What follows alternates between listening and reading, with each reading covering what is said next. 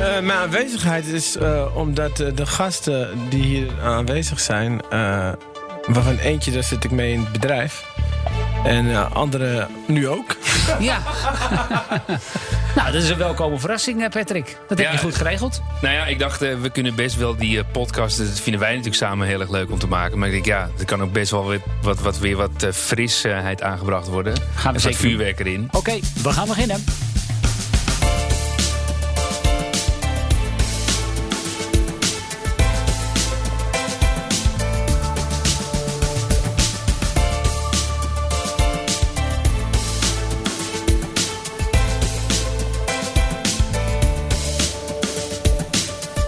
Dit is BNR's Baanbrekende Businessmodellen, aflevering nummer 22. De podcast waarin we praten met bedrijven die zichzelf opnieuw uitvinden en nieuwkomers die bestaande markten opschudden.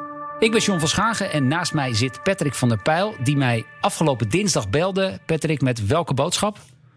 Ja, de boodschap was: er is nu zoveel te doen om die bezorgingsplatforms. Eh, de, de krant en de online staat er vol van.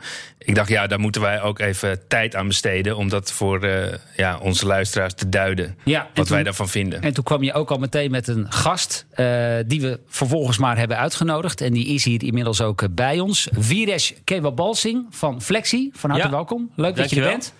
En jij hebt op jouw beurt ook weer een gast meegenomen. Ja, zeker weten. Mijn uh, co-founder en businesspartner Ali B. Ja, Ali, welkom. Co-founder van een bezorgingsplatform. En dat is misschien toch niet het eerste waar mensen bij jou aan denken. Ja, ja en vooral met wat de mensen misschien wel van me snappen uh, als bijdrage aan dit bedrijf is A, marketing, uh, netwerkpower. Uh, om eigenlijk dat concreet te maken. Het moment dat ik Flex, dat ik uh, Fides ontmoette, uh, zat hij eigenlijk twee dagen later bij John Fentner van Vlissingen. Omdat ik dacht, ja, als je 100 miljoen in picknick steekt dan zal je hier echt wel kaas van hebben gegeten. Ja, en waar vind ik dat? Ja. ja, in diezelfde week zaten we met Daniel Ropers aan tafel. Een week daarna zaten we bij Jitse Groen. Bol.com, thuisbezorgd. Ja, ja. ja dus, dus dat is iets wat, ik, wat mensen misschien wel snappen. Dat ik een netwerk heb opgebouwd. Ja, dus het matchen van de, laten we zeggen, de ambitieuze ondernemer... in dit geval aan een mogelijke investeerder. Uh, nee, dit is vooral kennis binnenhalen bij die gasten. Want dat, dat is nog veel meer waard dan investering. Want eh, geld komt en gaat. Uh, kennis wat je executeert en in je systeem komt, daar heb je de rest van je leven plezier van. Dus uh, dat is altijd mijn motto geweest. Als je naar succesvolle mensen gaat, ga er niet geld ophalen, maar de kennis hoe ze dat ooit hebben verdiend is veel meer waard. Ah, kijk. Oh, dat is inderdaad een goede tip. Um, Vires, misschien wel even handig om te vertellen. Flexi is niet een naam waarbij heel, bij mensen, heel veel mensen meteen al een belletje gaat rinkelen. Zeker Wie zijn jullie en met name wat doen jullie? Ja, het allerbelangrijkste is eigenlijk uh, uh, misschien wel een stapje terug waarom we dit platform zijn begonnen. Het is nog geen platform wat in Nederland operationeel is. Maar we hebben wel uh, het aantal jaar geleden hebben we wat validatie gedaan en ook de businessmarkt. Um, drie jaar geleden, en toen zat ik in Los Angeles en toen kwam ik in contact met partijen zoals Instacart en Postmates. Daar zag je ook dat de platformen in het buitenland heel sterk op Mars kwamen. Ja, misschien de meeste luisteraars zullen die platformen niet kennen. wat, wat doen zij? Nou, voornamelijk wat Instacart heel goed doet, die is eigenlijk de delivery platform voor supermarkten. Maar die verenigt ook lokale winkeliers op het platform. En uh, uh, met als één doel is eigenlijk de lokale economie te vergroten. Even heel, uh, wat stel, ik bijvoorbeeld in Los Angeles zijn ze actief, Instacart. Uh, Ik ga naar de website, wat kan ik daar doen? Je kan daar producten bestellen en dat wordt uh, binnen een kwartier tot half uur wordt het bij je gebracht. Wauw, zo snel. Ja, ja, zeker. En dat doen ze op een basis van een Uber-filosofie. Net als hoe je eten bestelt bij je favoriete restaurant. Kun je daar ook bijvoorbeeld, net als je hier nu bij Picnic, orders kunt bestellen. Alleen dat doen ze Insta. Vandaar ook de naam Instant, Instacart. Het wordt heel snel gedaan. Ja, en jullie zijn nu bezig om een soortgelijk platform hier in Nederland op poten te zetten. Nee, wat we toen hebben gedaan is... we, zijn, we hebben een aantal van dat soort elementen... In, van Instacart, Uber, Airbnb, Shopify... hebben we uh, uh, gemixt. Hebben we zelf een nieuw platform gemaakt genaamd Flexi... En uh, wat je op verschillende manieren kunt uitrollen. Dat kun je doen op de Instacart manier Dus uh, wij kunnen met lokale winkeliers die laten verenigen op het platform. En dan door middel van instant delivery uh, deze dienst aanbieden. Alleen tijdens deze weg, dus twee jaar geleden, toen was ik samen met Ali op pad om te kijken welk businessmodel past hier het beste bij. En op dit moment, wat wij dus doen, is we zijn een SaaS-leverancier waarin we onze software, waar we heel veel tijd eigenlijk hebben geïnvesteerd, dat zijn we nu aan het aanbieden. En dat kunnen we dus ook doen in verschillende sectoren. Ja, en hoe dat businessmodel eruit ziet, hoe je dat dus organiseert, dat gaan we in deze podcast ontdekken. Maar eerst vertel ik de luisteraars nog even iets over de partner die deze podcastreeks mede mogelijk maakt. Ja, en dat weet je inmiddels wel, dat is Salesforce. Zij stellen namelijk ook tijdens een crisis bedrijven in staat om in contact te blijven met hun klanten. Onafhankelijk van de grootte of de branche. En daarvoor hebben ze dan een product ontwikkeld dat heet Salesforce Customer 360.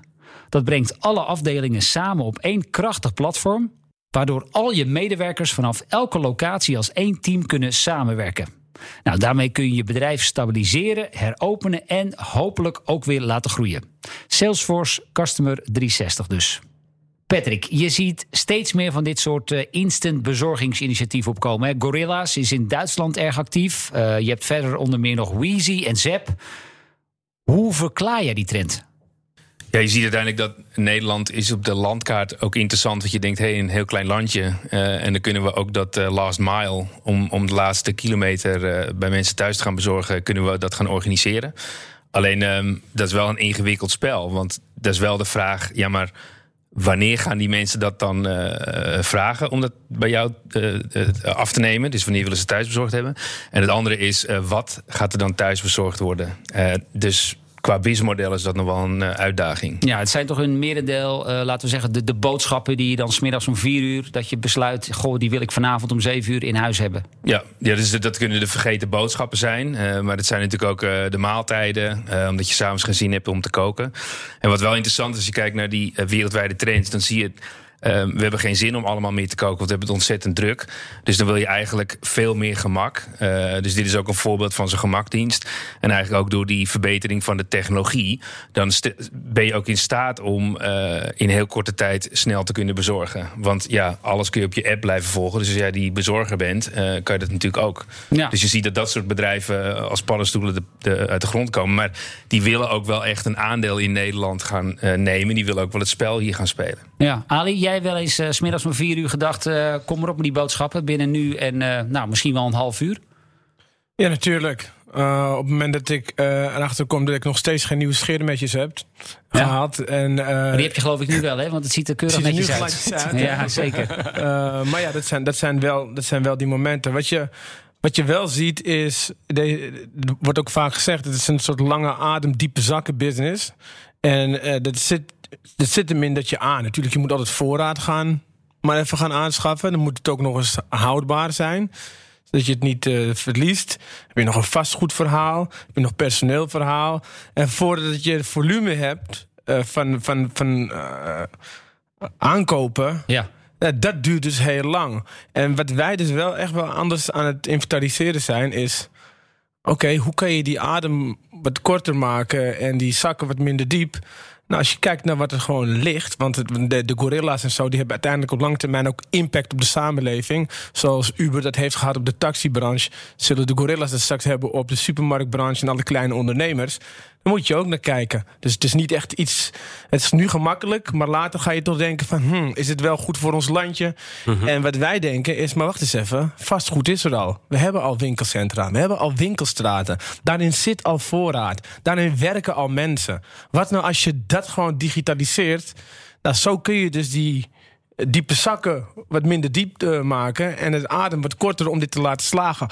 Als alle stakeholders natuurlijk participeren. Ja. En dat is dan ook iets wat minder impact heeft, minder negatieve impact heeft op de samenleving dan een Gorillas uiteindelijk heeft. Ja. Hey, je noemt die naam van Gorillas al een aantal keren. En Patrick, eh, eh, ik kan me voorstellen dat er ook nog wel luisteraars zijn die niet weten wie zij zijn en wat zij doen. Dat is eigenlijk een van de bekendere partijen uh, in Duitsland heel erg actief. Uh, is zo'n flitsbezorger. Um, als je kijkt naar hun businessmodel, zij hanteren hun eigen voorraad, hebben hun eigen bezorgers. Wat vind jij van de houdbaarheid van zo'n businessmodel? Want daar zijn wel wat vraagtekens bij te zetten, geloof ik. Nou ja, zoals, ik net zei, je ziet zeg maar, de knoppen waar je aan kan draaien. Is zeg maar de, mm, weten wie je klanten zijn, op welk moment ze bestellen. Maar ook juist het assortiment. En als je kijkt naar uh, assortiment op gewoon de, uh, nou, een blikje tonijn en een tandenborstel. Daar zit niet een hele hoge marge op. Dus als je dat in je assortiment gaat onderbrengen, is lastig. Uh, terwijl als je kijkt naar een, een Jitse Groen bijvoorbeeld. Die dan maaltijden bezorgt. Daar zit alweer een hogere marge op. Maar er is ook belangrijk onderscheid in. Um, wat ze precies doen. Dus je hebt platformen die ervoor zorgen dat uh, je bestaande winkels kunt aansluiten. En bijvoorbeeld dat uh, Vires op zijn scooter voorbij komt en die pakt dat uit de winkel en die rekent het voor je af, komt het bezorgen. Maar het kan ook zijn um, dat je uiteindelijk uh, zeg maar winkels hebt die een eigen voorraad hebben. Uh, dus bijvoorbeeld als een Albert Heijn dat op die manier zou gaan doen met kleine boodschappen en die gaat het bij je thuis bezorgen. En wat je dan op termijn ziet, is als je die dat assortiment kunt voorspellen. Dat is eigenlijk het spel wat uh, Uber uh, Eats doet. Is dat je uiteindelijk dark stores krijgt. Dus zeg maar een winkel uh, die geen ramen heeft. Want die puur en alleen in dienst staat van zo'n platform. Ja. Maar dat betekent dus dat je zeg maar om de gemiddelde twee vierkante kilometer zo'n darkstore moet hebben staan waar je snel heen en weer kunt fietsen. Um, valt het dan bij, uh, of valt of staat het dan bij gemak? Is het met name assortiment? Want ik kan me nog herinneren, in het dorpje waar ik ben opgegroeid, hebben ze een paar jaar geleden ook bedacht om weer een klein buurtwinkeltje op te zetten. Kunnen mensen ook snel nog even de laatste boodschappen doen. En dan zie je toch dat het assortiment een beetje tegenvalt. En als gevolg daarvan uh, haalt zo'n winkeltje het ook niet.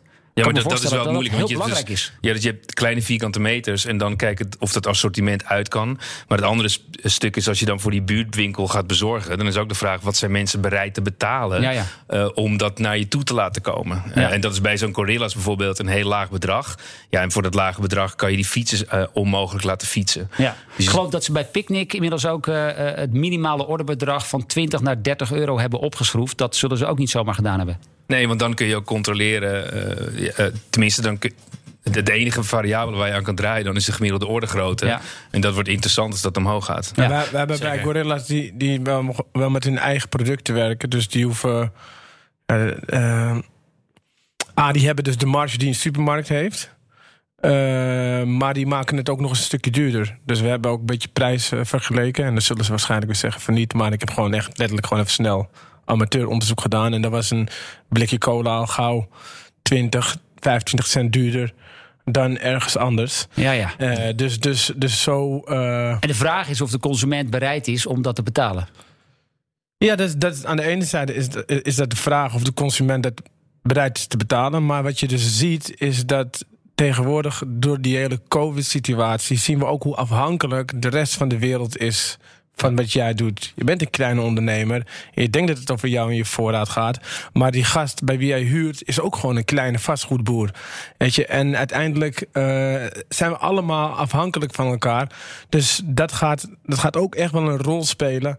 Behalve gemak. Ik bedoel, het is nu ook gewoon gemakkelijk om gewoon een goedkoop stukje vlees te eten. Toch zie je veel mensen overschakelen naar een stukje duurder plant-based eten. Omdat er ook een stukje bewustwording is en verantwoordelijkheid. Ja. Het verantwoordelijkheidsgevoel voor de wereld en voor iets wat groter is dan jezelf is wel steeds groter aan het worden. Dus dat gemak, daar ga je het echt niet alleen maar op redden. Nee. In ieder geval niet in een land als Nederland... wat ook bezig is met zaken als duurzaamheid, gelijkheid, inclusief. Hey, want uh, Vires, jullie ja. kiezen er dus bewust voor... om uh, hier in Nederland uh, geen eigen voorraden te hebben. Jullie leveren in feite alleen de technologie en de winkeliers... de lokale winkeliers, die doen het, ge, ik noem het even, het gedoe eromheen. Dat ja. regelen zij zelf. Hoe, hoe werkt dat in de praktijk?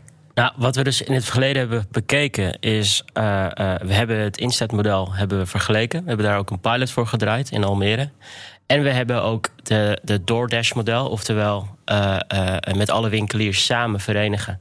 En waar we uitkwamen is dat wij voor Flexi dichter bij onze core zijn als we de, ons platform maken. En dat hebben we al drie jaar gedaan en ons platform is af. we kunnen bij wijze van spreken een Albert Heijn voorzien van een platform waarbij zij, net zoals Instacart, hun lokale uh, economie kunnen vergroten. Maar tegelijkertijd kunnen we ook weer ons platform in de, in de local for local economie neer gaan zetten en gaan denken aan die kleine ondernemer. Um, Ja, laten we even schetsen. Ik woon in Heilo, een klein Ja. eh, dorp van 20.000 mensen Ja. eh, onder de rookpluimen van, eh, van Alkmaar. Daar heb je een winkeliersvereniging. Ja. En zij kunnen bijvoorbeeld gezamenlijk gebruik maken van jouw platform. Ja, er zijn dus wel een aantal spelregels. Het moet wel gezamenlijk, omdat wat je ook net aangaf, er moet ook wel aanbod zijn. Maar wanneer een ondernemersvereniging goed is georganiseerd, en wat bedoelen we met goed georganiseerd? Als er weet dat er een goede samenwerking is en dat je niet verschillende eh, eh, franchisehouders hebt bij elkaar, dan kunnen we ook echt meerwaarde toevoegen. Dan kunnen we ons platform, à la het Shopify-effect, wat zij dus heel goed hebben gedaan voor eh, lokale ondernemers, kunnen wij op een, op een app-based platform neer gaan gooien. Dus eh, voor een ondernemersvereniging kunnen we heel eenvoudig eh, eh, de winkelstraat of winkelcentrum digitaliseren. Ja, en dat betekent dus in feite dat de, de winkeliersvereniging met al die aangesloten winkels, Ja. die maakt gebruik van dit platform. Ik als buurtbewoner ga naar Flexi, bestel nog even snel eh, wat shampoo, eh, wat laatste boodschappen, misschien nog wat speelgoed, omdat ik morgen een verjaardag heb. Zeker. En vervolgens, eh, die bestelling komt daar binnen. En de winkeliers, hoe zorgen die er dan uiteindelijk voor dat al die spulletjes bij mij worden afgeleverd? Ja, dus we hebben, ons platform bestaat eigenlijk uit drie applicaties. We hebben een logistieke applicatie, net als Uber dat heeft. Dat is voor de drivers. We hebben een applicatie voor de winkelier, la het Shopify-effect, waarbij ze vanuit hun broekzak hun winkel kunnen digitaliseren en hun voorraad kunnen bijkennen. Eh, we hebben ook nog vanuit onze organisatie consultancyadvies. Want een ondernemer is een ondernemer en wij willen ook de ondernemer helpen door eh, eh, te laten zien welke producten zij op moeten gaan anticiperen. En als laatste hebben we ook nog een applicatie voor de consument. Ehm, dit noem je multi-sided platforming. Ja. Uber is daar een heel bekende voor. Die had namelijk de app voor de driver en de app voor de consumenten. Ehm, hoe het eigenlijk vervolgens werkt, is dat die drie lagen die komen op het platform. En eh, eh, zo proberen we de synergie te krijgen. Ja, en je noemde net de franchise-nemers. Maar ehm, nou, laat ik dan weer even het winkelcentrumpje bij mij om de hoek als voorbeeld eh, eh, noemen. Ja. Daar heb je ook een ethos heb je daar zitten. Ja. Is die dan automatisch, omdat het een groot concept is, uitgesloten? Of kunnen die gewoon meedoen? Nee, voor ons eh, geval niet. Want wat we wel zien is dat het ook aantrekkelijk gemaakt moet worden voor eh, eh, de, de, de klant. Het hangt er net aan af hoe de ethos, de lokale ethos, er eigenlijk mee om wil gaan. Eh, we zien wel dat we en dat we er ook echt zijn voor die kleine organisaties. Maar ons platform is ook speciaal gemaakt voor franchisehouder. Daar hebben we ook een speciale module voor. En daar kunnen de ethoses en de grote organisaties ook op inprikken. Ja. Het, ligt, het ligt natuurlijk aan, kijk, Ethos heeft ethos.nl. Dus niet zo dat Ethos digitaal niks doet. Ik bedoel, als de, de, de pindaboer dicht is, dan, is, dan worden gewoon pinda's verkocht. Nee, nul omzet. Heel nul omzet. Terwijl Ethos eh, en, en Blokker en Bruna, daar kun je nog naar hun. eh, alleen de vraag is wie verdient daarop? Eh, is dat, eh, is dat Ahold? Ik weet niet hoe het franchise-model van, van, van Ahold eruit ziet. Of die Ethos filiaalmanager zelf verantwoordelijk is. En als hij dan eh, niet draait of dicht is. Nou, ik denk dat alle bestellingen op, de, op ethos.nl... die gaan niet naar de lokale ethosvestiging, Nou, naar nou, eigenaar in Heilo. Wij, dan zeggen wij, we willen best een uitzondering maken. Bijvoorbeeld bij eh, een, een, een, als je, je zou franchise voordeel moeten hebben. Op het moment dat je eh, een franchise daarin instapt. Dat doe je omdat het voordeliger is dan iets zelf opzetten. Maar als de tijd zodanig is veranderd dat vanwege een gebrek van lokaal digitalisering en een lokaal mogelijkheid om te deliveren. Je wordt afgenomen omdat je anders concurreert met de grote ethos.nl. Dan heb je helemaal geen franchise-voordeel meer. En ik weet nog dat volgens mij eh, Mona Keizer eh, eh, gesprekken voerde met die grote eh franchisebedrijven. Over ja, hoe gaan we hier nou een, weg in vinden? Want wij hebben ook wel eens, ik ga geen naam noemen, maar van een bekend Nederlandse keten. een huilende filiaalmanager gezien. Die zei ja.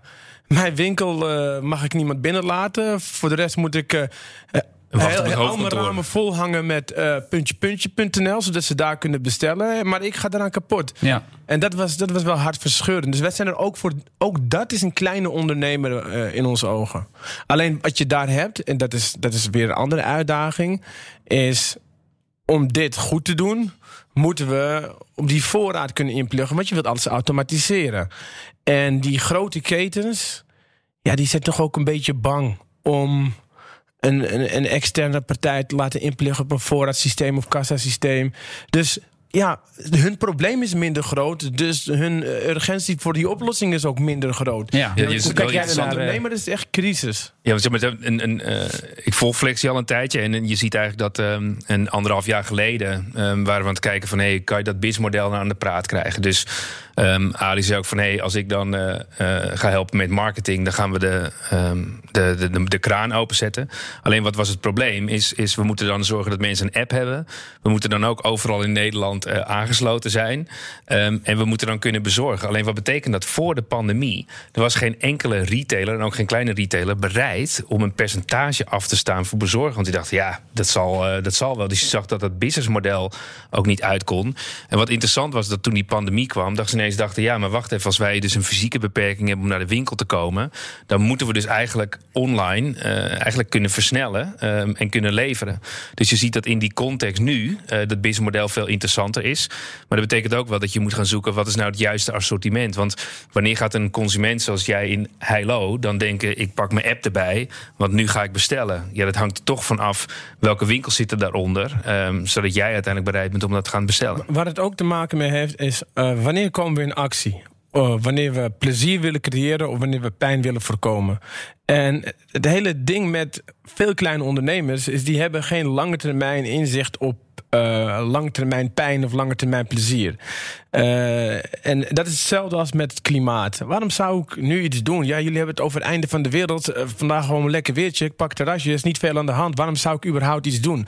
Dus je voelt die lange termijn pijn die voel je nu niet, ben je minder geneigd om er iets aan te doen.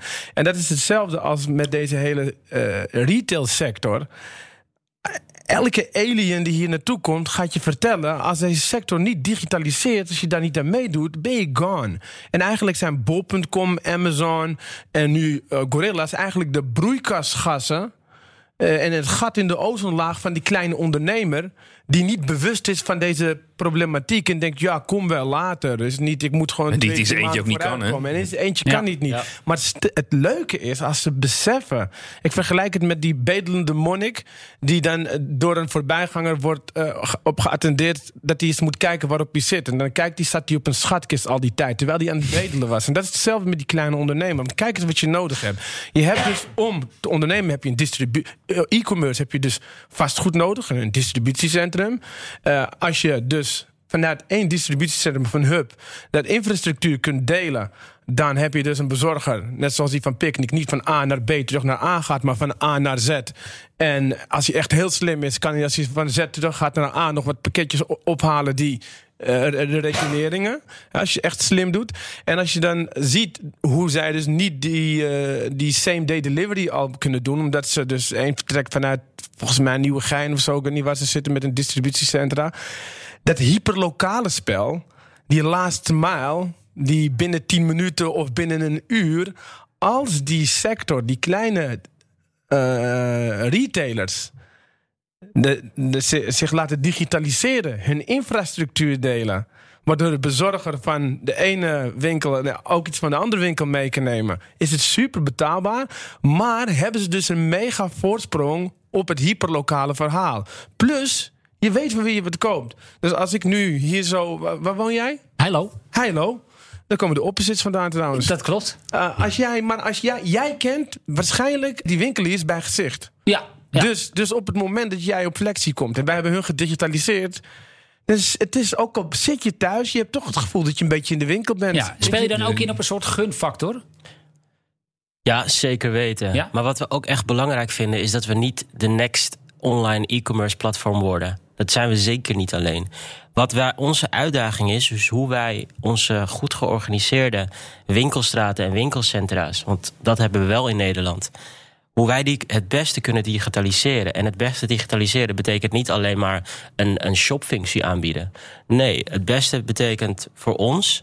Hoe kunnen wij zo'n ondernemer, wij noemen het dan digitale superkrachten geven, zodat hij meer omzet en meer ontzorgd wordt? En dat kan ook zijn door bijvoorbeeld uh, uh, uh, te denken aan loyalty systemen. En hoe kunnen wij die blend tussen offline en online shopping meer motiveren? We willen niet alleen maar zeggen van we zijn een platform waar we, waar we alleen maar bezorgen. het gaat ook dat we die ondernemer meer moeten gaan ontzorgen.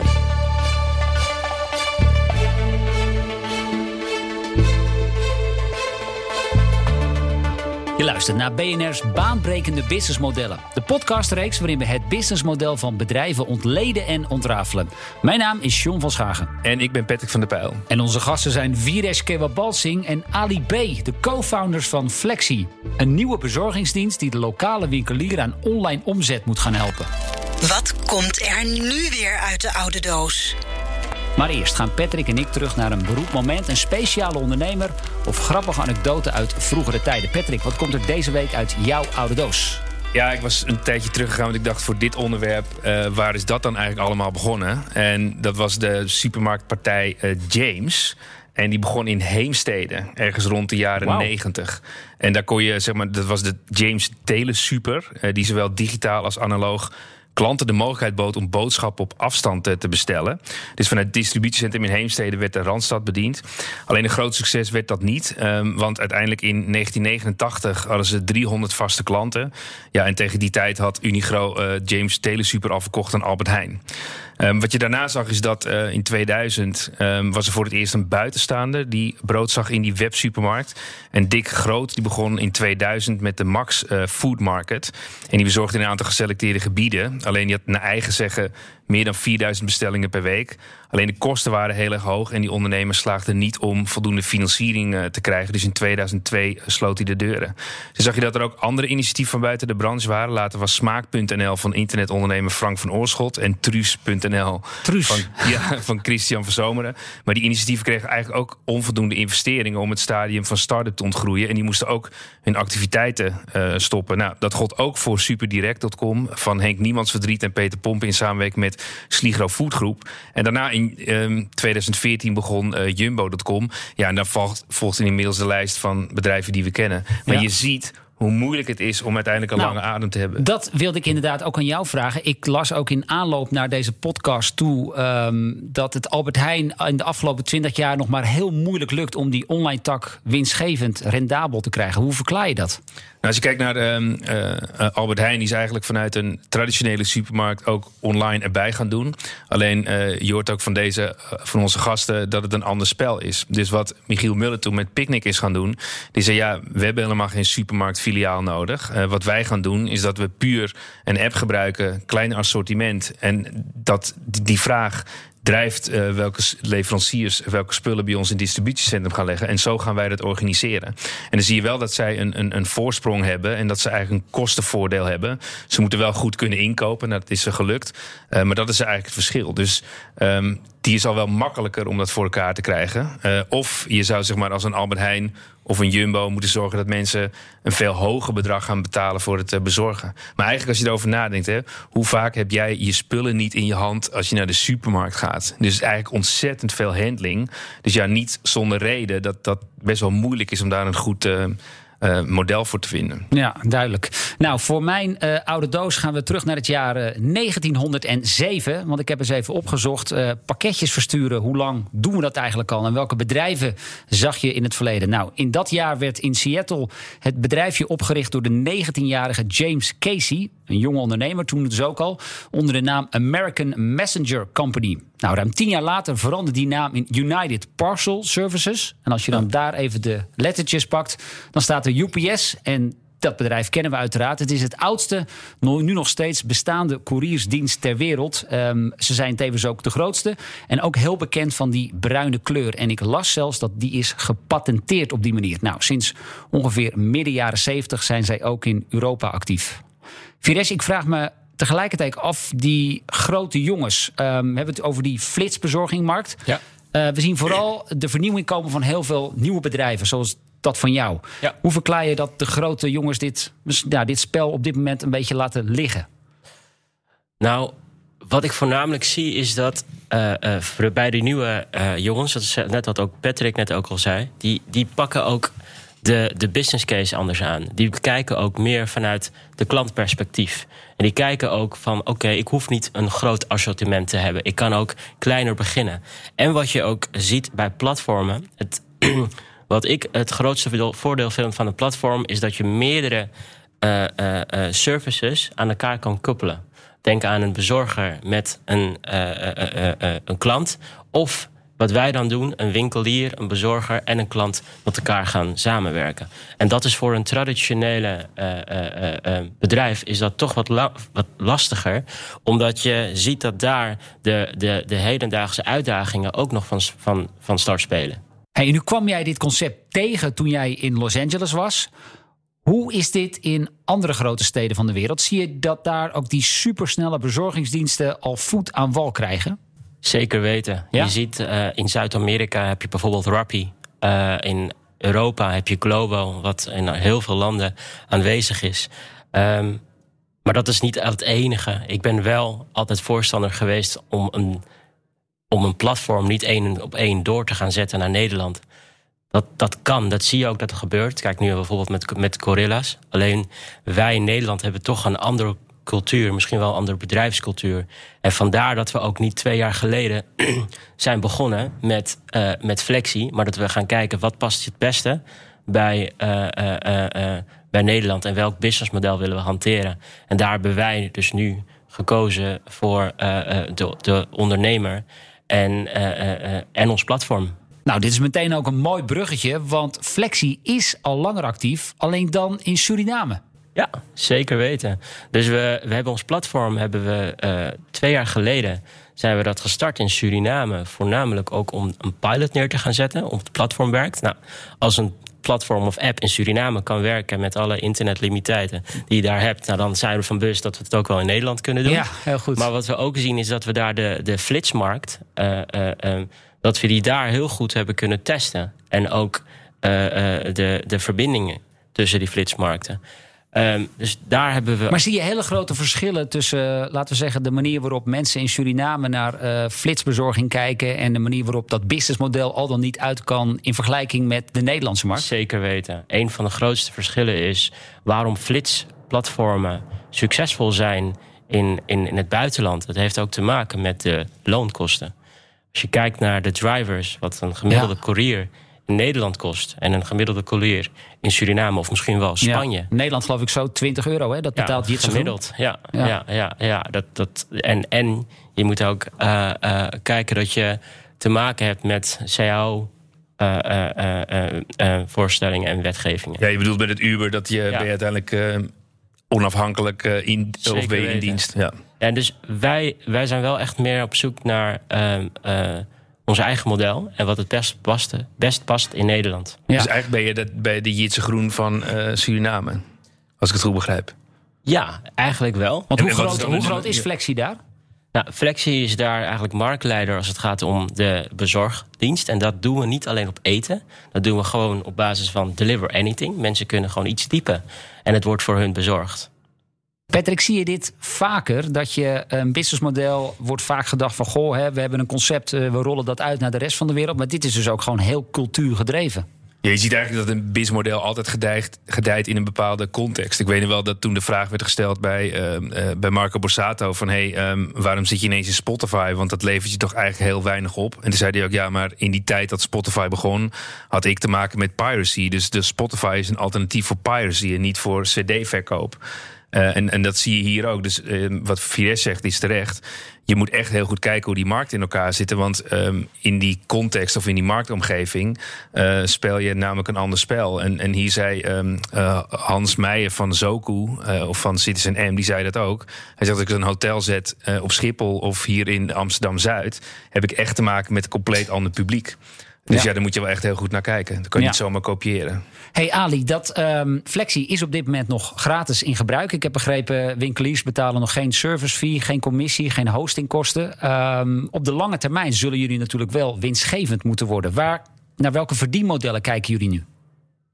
Nou, uh, laat ik als eerst uh, stellen dat wij gewoon uh, zeer onverstandige ondernemers zijn. we hebben namelijk 1 miljoen euro hierin gestoken uit onze eigen zakken om dit te bouwen, omdat we gewoon ergens in geloven. Ja. Uh, dus, uh, nou, daar, daar begint het mee. dus je zit niet meer op zo'n grote kist, je zit op een kleine kist. En, en zelfs ja. nu, en zelfs nu, kijk, uh, als je kijkt naar wat wij leveren, dat we daadwerkelijk kunnen leveren. dan is het vanuit uh, Vires zijn kant vooral echt wel een, een super verfijnd platform.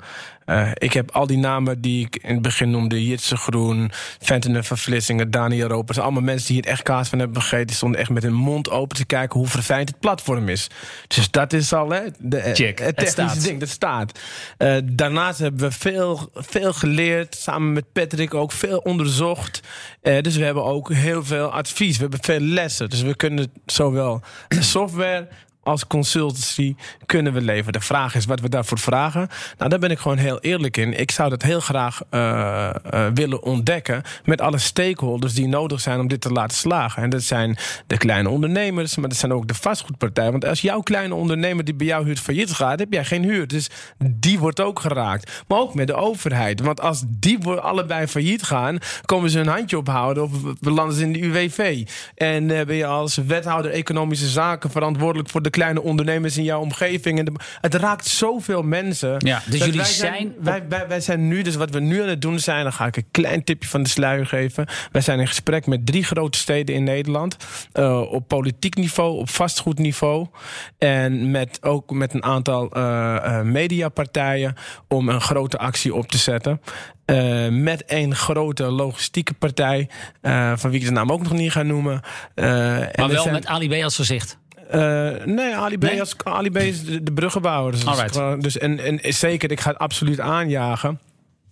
En wij willen gewoon uh, dat mensen uh, inzien wat, wat ze kunnen doen. Alleen hoe we daarna, en dan, wij zullen dat kostendekkend doen. En eh, ik heb sponsoren van alle kanten geregeld om dit te laten slagen. Je wilt natuurlijk laten zien dat, dat het werkt. Uiteraard. En als we daarna, als je praat over het businessmodel, dan zullen wij uiteindelijk een, SaaS-model aanbieden en een, een ja. consultancy-model. Maar wat we daarvoor vragen, dat willen, wij willen altijd aan het eind van de dag duizend keer meer opleveren dan we kosten. Nou, voor we weten wat het dan is, moeten we weten hoeveel het oplevert. Ja. Dus, en dat doe je gezamenlijk. Maar je ziet in de markt dat uh, veel partijen rekenen per order. In feite doen daar een klein beetje bovenop. Lijkt me lastig. Dat gaan, want zeker gaan we niet als het, doen. We gaan, we dat- gaan helemaal niet zo denken. Nee. En wij zijn ook, weet je, heb je een paar keer horen zeggen, eh, flits, eh, hoe noem je dit? Flits delivery? Flitsbezorging. flitsbezorging. Ja. Wij zijn. hoezo praten we over deze sector, over flits, als ze niet eens een website hebben, bro? begin, eens met, begin eens met een goede. Met Ja. een goede, goed digitaal verhaal. Ja. Dus wij zijn veel meer partner. Eh, eh, die, die ze willen faciliteren en, en bewapenen. Om die wereld van digitalisering die ze tegemoet komen, die ze tot nu toe vooral hebben ontkend. eh, nu ze Ja. beginnen te erkennen. Want eh, dit, is de, dit is het allerbelangrijkste, vind ik nog, van het hele verhaal. Is we kunnen natuurlijk niet leven alsof er niet nog een nieuw virus komt of een mutant waar de vaccinaties niet tegen. Dus de vraag is eigenlijk: ga naar zo'n kleine ondernemer, leg een flexie uit en leg het hem. Dit is het eigenlijk. Toen ik kinderen kreeg, en dat weet Vires nu ook, is als je voor het eerst een kind krijgt, heb je slapeloze nachten. Je krijgt rugklachten, je moet het kind. Je voelt de pijn. En je ziet het ook bij Fires. Je, je voelt de pijn. Maar een jaar later, of twee jaar later, als een kindje begint te lopen, dan is hij heel die pijn vergeten. Dus alle oplossingen die hem konden helpen. Bij die eerste negen maanden van hè, in die kraamperiode, die is hij al lang vergeten. Ze zijn al lang niet meer relevant. Waardoor hij dus geneigd is die oplossingen niet meer te bedenken. Tot hij zijn tweede kind krijgt en denkt: shit, had ik daar mijn oplossingen voor bedacht. Toen, hè, dus het is ook allemaal preventief. Net zoals de mondkapjes. Weet je, die moesten we uit China halen. Later dachten we: hoezo zijn we afhankelijk Ja. van China? En dit is ook straks met een tweede virus die misschien komt of een mutatie. Wil je dan.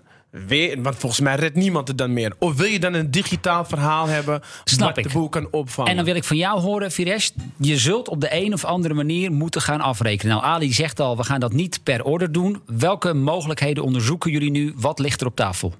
Nou, dus het eerste is het SaaS-model. Dus het à la Shopify ML. Waarbij je, je gaat kijken hoe kunnen we een ondernemer een, een, een manier bieden... waarbij die ook duidelijk en transparant weet van wat hij gaat En die betaalt betalen. dan een vast bedrag per maand, neem ik aan. Ja, dat zou Ja. kunnen. Ja, zeker weten. Alleen wat we wel aan het onderzoeken zijn, dus daarom dat ik ook niet. Dat we nu niet zeg maar eh, eh, daar heel concreet over kunnen zijn. Omdat we nu, wat Ali net ook zei, een, een, een heel mooi initiatief aan het opstarten zijn. waar we juist die lessen in kunnen vinden. Want technisch en operationeel staan we er. Het staat, het staat al klaar. We hebben al drie jaar hebben we dat gedraaid. Alleen nu is het belangrijk om ook die ondernemer echt te helpen. Dus je kan denken aan een maandfee, maar uh, uh, je zou ook kunnen denken aan, uh, aan misschien wel dat je samen met elkaar gaat kijken van wat. wat, gaan we, wat gaan we doen? Dan moet je het zien als een collectief. We zitten hier uit het raam te kijken naar een rotonde. Daar hebben we allemaal voor betaald. En alleen degene die, de, niet iedereen die daarvoor betaalt, heeft er gebruik van gemaakt. Ja. En zo moet je dus net zoals in een winkelcentrum. Iedereen is in een bepaald businessmodel. Iedereen betaalt een gedeelte. En uiteindelijk hangen we in december daar kerstlampen van op. Ik weet niet hoeveel klanten mij die kerstlampen opleveren. Maar ik betaal er wel aan mee. En zo moet je dus het digitale verhaal benaderen. Omdat als je het niet doet, raakt het zoveel partijen. Ja. Dus, dus Duidelijk. en hoeveel we daar dan voor vragen? Nee, dan- hoeveel? Maar ik vraag ook niet zozeer hoeveel. Ik vraag met name, hoe ga je dat doen? Hè? Dus inderdaad, eh, Patrick, is een maandfee is dat de meest voor de hand liggende optie? Nou, kijk, uiteindelijk, eh, als je naar zo'n initiatief kijkt, hè, en, ehm, ehm, dan is de eerste stap om te kijken van hey, wie zijn eigenlijk je klanten in je businessmodel? En, en los je voor hen een probleem op. Dus wat Ali ook terecht zegt, eh, dat nu die ondernemers eh, heel erg in beeld komen om dat probleem voor ze op te lossen. Nou, kijk, als je dan die oplossing neer gaat zetten in de software van zo'n platform, dan is daarbij de vraag. ehm, wat kun je uh, toetsen om te kijken wat mensen dan bereid zijn te betalen? Dus omdat je een platform hebt, heb je dus meerdere klantsegmenten die je verbindt. Dus wat is die consument uh, bereid om te betalen? Of verwacht hij gewoon dat die boodschappen gratis worden bezorgd? Dan heb je de winkelier, um, waar je de vraag moet stellen van... hey, um, wat zijn zij bereid om daarvoor te betalen? En is dat dan per transactie? Omdat ze denken, ja, als ik nu even geen kosten heb... ik betaal wel als ik omzet ga maken, dus als er iets wordt uh, gekocht. En je hebt uiteindelijk de bezorger, uh, wat de winkelier ook zelf zou kunnen doen... maar het kan ook een derde partij zijn. Ja, die gaat ook niet gratis rondfietsen. Dus je ziet dat je, um, als je zo'n concept neerzet... zet je eigenlijk de opties van die verdienmodellen op een rijtje. Probeer te valideren waar die bereidheid zit van uh, betalen. Dus kun je nu wel over deze markt zeggen... wat mensen ongeveer bereid zijn te betalen. Nou, dat zit ergens tussen de 3 en 5 euro... afhankelijk of het op het laatste moment is... en, en hoeveel het je waard is. Maar voor uh, bedrijven die de, of winkeliers die dan de uh, software moeten gaan aanschaffen... ja, als je zoiets laat bouwen... nou, je hebt net gekost, gehoord van Ali wat dat kost... dat is onmogelijk. Dus dan kijk je ook weer naar bijvoorbeeld een winkeliersvereniging... Hey, kan je die kosten, die ontwikkelkosten daarin verdelen. Ja. Dus zo probeer je eigenlijk steeds te begrijpen... is dat probleem er, is de bereidheid om, om te betalen... en in welke specifieke context kun je dan dat businessmodel of verdienmodel uh, hey, En hoe maken. onderzoek jij dan uh, of die consument of die winkelier... inderdaad bereid is om hiervoor te betalen? Want uh, het aan iemand vragen is misschien niet voldoende. Je moet dat ook wel op een bepaalde manier uh, aan hem of haar voorleggen. Ja, dus uiteindelijk is uh, iemand vragen de, de, slechtste manier om dat te testen. Want iemand wil altijd aardig gevonden worden. Ja. Dus je gaat tegen jou zeggen: Ja, tuurlijk vind ik het een heel tof concept. En tuurlijk ben ik wel bereid te betalen. Nee, je moet het echt erop aan laten komen alsof ze het zouden kunnen bestellen. Dus um, dat hebben we toen ook gedaan hè, met, uh, met het team van uh, Viresh. En dan is de vraag van: Hey, als dan die order voorbij komt, hoeveel gaan mensen betalen? Dus dat is één manier om dat zelf te testen. Maar wat je ook al in de markt ziet, is het misschien nog niet door jou getest. Maar in de markt is al best wel redelijk inzichtelijk wat mensen bereid zijn te betalen. Wat, wat ik me afvraag, je, doet alsof het een, een keuze is. De, de, vraag is: heeft retail landschap zonder een goed digitaal verhaal toekomst? En volgens mij is het antwoord... Een kind kan je vertellen dat het antwoord nee is. Nee, maar dan... Dus, dus optie de bereikbaar... Hij heeft geen keuze. Het is of hij gaat, of hij gaat realiseren of niet. Maar nee, maar de hij... vraag is dan of zo'n lokale winkelier... Uh, überhaupt over vijf of tien jaar nog bestaat. Hè? Wel als hij zich... Dus als hij, als hij in ieder geval... Uh, de, de, de kansen gelijk maakt door digitaal te zijn. Want... Uh, het is alsof ik, uh, weet je, wij gaan uh, voetballen, maar ik heb schaatsen aan en jij hebt voetbalschoenen. Ja, tuurlijk win jij. Dus, dus dat is helemaal geen vraag of ik ga winnen. Maar pas als ik ook een eerlijk paar voetbalschoenen krijg, dan kunnen we in ieder geval de wedstrijd gaan spelen. Dus het blijft een wedstrijd tussen webwinkels, maar dat zullen wij nooit worden. Ja, als je kijkt naar Amazon, als je kijkt naar Bol, naar Gorilla's. Hè, dus Gorilla's ja. is volledig een webwinkel. Uh, die anderen doen zich voor als platformen. Dus die doen zich voor alsof, uh, alsof ze ondernemers geld laten verdienen. Wat ze ondertussen stiekem doen, is op die manier data verzamelen. Om vervolgens aan de hand van die data assortiment naar zich toe te trekken en dan maar zelf te verkopen. En voor je het weet, hè, ooit, ooit bestond Bol volgens Hebben we ook een eh, 80% aflevering over uit, eh, gemaakt. over Amazon ja, dus, dus inderdaad. dat is Ja. een heel, wij zijn een heel, wij zijn- bijna een maatschappelijke instelling. Ja, joh. maar Ali, dat snap ik en dat heb je inderdaad al een aantal keer benadrukt. Dat is heel goed. Alleen de vraag is wel: eh, ehm, ehm, ehm, zo'n lokale winkelier, heeft die nog meerwaarde als we dat ook online gaan Wij doen? geloven van wel, want eh, eigenlijk zijn de signalen zo simpel. En ik ben maar een rapper, maar wel gelukkig maar een rapper. Omdat ik dus de simpele dingen van het leven nog wel kan zien. Als we al moeite hebben om niet naar het Vondelpark te gaan... terwijl we elkaar kunnen besmetten... betekent dus dat we altijd elkaar willen zien. We willen altijd menselijk contact. We willen altijd ergens naartoe. Voetbal kijken op tv is leuk, in het stadion is het leuker. Zeker. Iets online bestellen is leuk, maar echt die pinda's ruiken in die winkel is leuker. Ja, dus zeker. het is slechts een upgrade van wat je al leuk vindt. Een aanvulling Maar als je dus niet kan, dit is het probleem nu. Als ik niet naar het centrum kan, omdat lockdown of om wat voor reden dan ook, Of omdat de winkels er überhaupt niet meer zijn? of omdat de winkels überhaupt niet zijn. Maar laten we zeggen, terwijl ze er zijn, ga ik dus. Dan ga ik kennis maken met de andere online aanbieders. Wat dus webwinkels zijn. Waar dus maar drie grote winnaars zijn: Amazon, Bol, eh, Coolblue. Maar dat is, eh, dat is het einde van de kleine ondernemer. Wat ik dus echt geen tof idee vind. Ik vind het wel Ik tof. vind het wel we- mooi, want die zie je dus eigenlijk als een platform eh, zet je neer. En wat is knijten belangrijk, dat zien we in al, die, eh, al onze podcasts, is een visie. En dat vind ik wel het mooie. Dus een visie om niet het grote platformbedrijf te zijn, maar eigenlijk al die winkeliers bij elkaar en die gaan helpen de business te, te Ja, doen. Is, dat is ook eigenlijk wat we zien in Nederland. Als je kijkt naar de winkelcentra's, bijvoorbeeld in Amerika, is het toch wel wat meer verspreid. Je hebt een bakker, maar dan moet je 10 minuten rijden om weer naar de volgende winkel te gaan. In Nederland heb je altijd hetzelfde riedeltje. Je hebt in je buurt heb je altijd een bakker en iedereen is bij elkaar. En wij geloven dat juist de winkelcentra's en de winkelstraten nog niet goed gedigitaliseerd zijn. Geef eens antwoord op je vraag. Jij gaat naar Heilo en er zijn geen kleine ondernemers meer. Is dat voor jou een leefbaar ik Heilo? zou het eh, geen plezierig idee vinden. Nee, maar dat, dat geldt dus voor ons allemaal. En dus, dus er is, de, de, Ja. vraag is alleen hoe lang gaan wij uitstellen? Ja, maar dat is inderdaad iets wat je zegt. Dat is een soort nobel idee. En iedereen vindt dat ook. Maar of we daar ook daadwerkelijk naar handelen. Of dat we dan uiteindelijk, als het komt, neerkomt op eh, hoeveel geld moeten we hiervoor betalen. Dat we dan toch gewoon voor het gemak en de snelheid van een wat- veel grotere partij kiezen. doen? Een bol.com. Wat wij doen is wij zoeken dus drie zeer gretige steden in Nederland. Met eh, drie zeer goed georganiseerde ondernemersverenigingen. Die, eh, die snappen dat je maar beter je kunt voorbereiden op een wereld die verandert. Nou, dan gaan we daarmee aan de slag en dan hopen we daarmee een succes neer te zetten. En eh, dan heb je eigenlijk een voorbeeld voor al die anderen die nog huiverig zijn of twijfelen of misschien nog niet helemaal snappen. En de, tegen de tijd dat ze het snappen en willen, hebben wij gewoon een plug-and-play model. Waarin ze gewoon heel snel mee kunnen doen.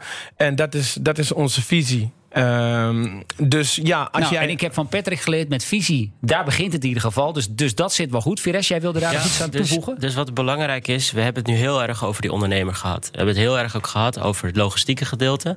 Nou, wat minder, maar daar hebben we ook een hele mooie journey voor gebouwd in, het, in onze landschap. Maar die klant, want ik hoor je ook een beetje kijken van waarom zou zo'n klant dan per se bij Flexi of bij Inderdaad. winkelcentraal moeten kopen. Nou, we zien dus, wat, wat ik al eerder zeg, we willen niet de voor eerstvolgende e-commerce platform zijn. Want dan ga je gewoon naar bol.com. Ehm, maar wat we wel echt aan het, eh, eh, aan het doen zijn, is die mix tussen offline en online shoppen beter maken. Moet je voorstellen dat elk winkelier, we hebben bijvoorbeeld in Almere een pilot gedraaid, en dan was er één winkelier die had iets op zijn Facebook gepost, en dat was binnen twee dagen was dat 500 keer gedeeld. Nou, dat reactie, dus het peer-to-peer effect, wat we, dat, daar geloven we heel erg in. Dus ja, je mensen kopen als, als het makkelijk moet. Het liefst bij bol.com.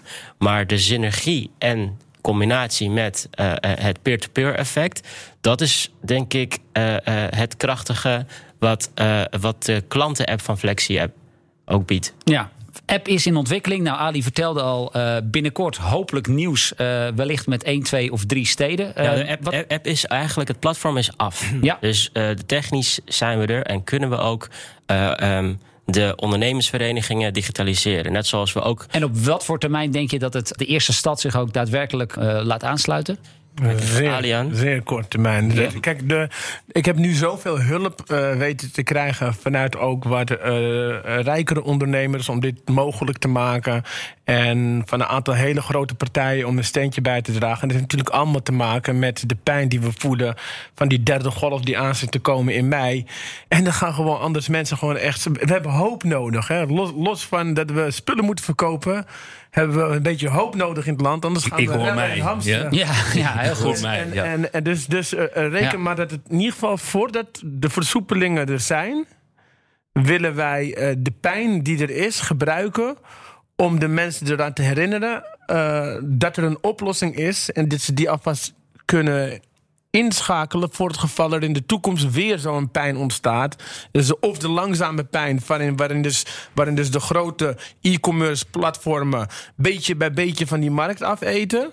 Of inderdaad een nieuwe mutatie waar geen enkel vaccin op reageert. En dan, dan is het. Ja. Ja. Maar jongens, Ja, dan zitten we helemaal is- met de gebakken. Ik vind het fascinerend hoe, hoe we nu alweer doen alsof er nooit meer een virus komt. Zeker. Ja, ja, dat is waar. Dat is Zeker. Als je ziet hoe langzaam we reageerden op. Ik wist, ik heb dan heel snel het liedje anderhalf meter gemaakt. Maar ik, ik hou gewoon de boel een beetje in de gaten. Ik denk, nou, er zitten een paar hele belangrijke mensen wel heel raar te doen. Die weten volgens mij iets. te- dit is some serious shit. Ja, ja. Virus, even om Ja. met jou af te sluiten. Ja, dus ehm, wat we ook zien is, we hebben het nu heel erg gehad over de lokale ondernemers. Maar wat je net aanzegt, dit hoeven niet per se alleen lokale ondernemers te zijn. Als je kijkt bijvoorbeeld naar wat er met Kijkshop is gebeurd, ook grotere organisaties, nou, bijvoorbeeld zo'n Ethos, die moeten ook wat gaan doen met digitalisatie. Denk aan bijvoorbeeld een Gorilla, die hun eigen producten in de markt gaan zetten. En eh, dat is zeg maar ook de reden waarom wij dus die eh, eh, die, die test aan het doen zijn. Waarom we willen zien van oké, we gaan de ondernemers helpen. Maar dat hoeven niet alleen kleine ondernemers te zijn. Dat kunnen ook de grotere zijn. Maar ik wil hem toch afsluiten, omdat we één partij niet hebben genoemd. En dat zijn de partijen die niet bezorgen. Dat zijn de massagesalons, de kapperzaken, de restaurants. Oh, en dat is het toffe. Wij eigenlijk eh, eh, eh, zorgen voor een soort van community management door gewoon jouw winkelcentrum te digitaliseren. En die zitten dus ook allemaal in diezelfde ondernemingsvereniging. Ja, maar die kun je, die kun je ondervinden- niet bezorgen, toch? Nee, maar die ondervinden Nee. wel trafficvoordeel in het, in het niet-digitale landschap. Ondervindt de horeca naast de, de, de pindaboer, die hebben trafficvoordeel. Want als ik Ja. langs de pindaboer ga, kan ik ook hier een koffie doen. En als je dat dus digitaal maakt... Ja, maar- vind je, ondervind je dezelfde trafficvoordeel. Dus als ik ga shoppen, nu hier op eh, Flexi, lokaal...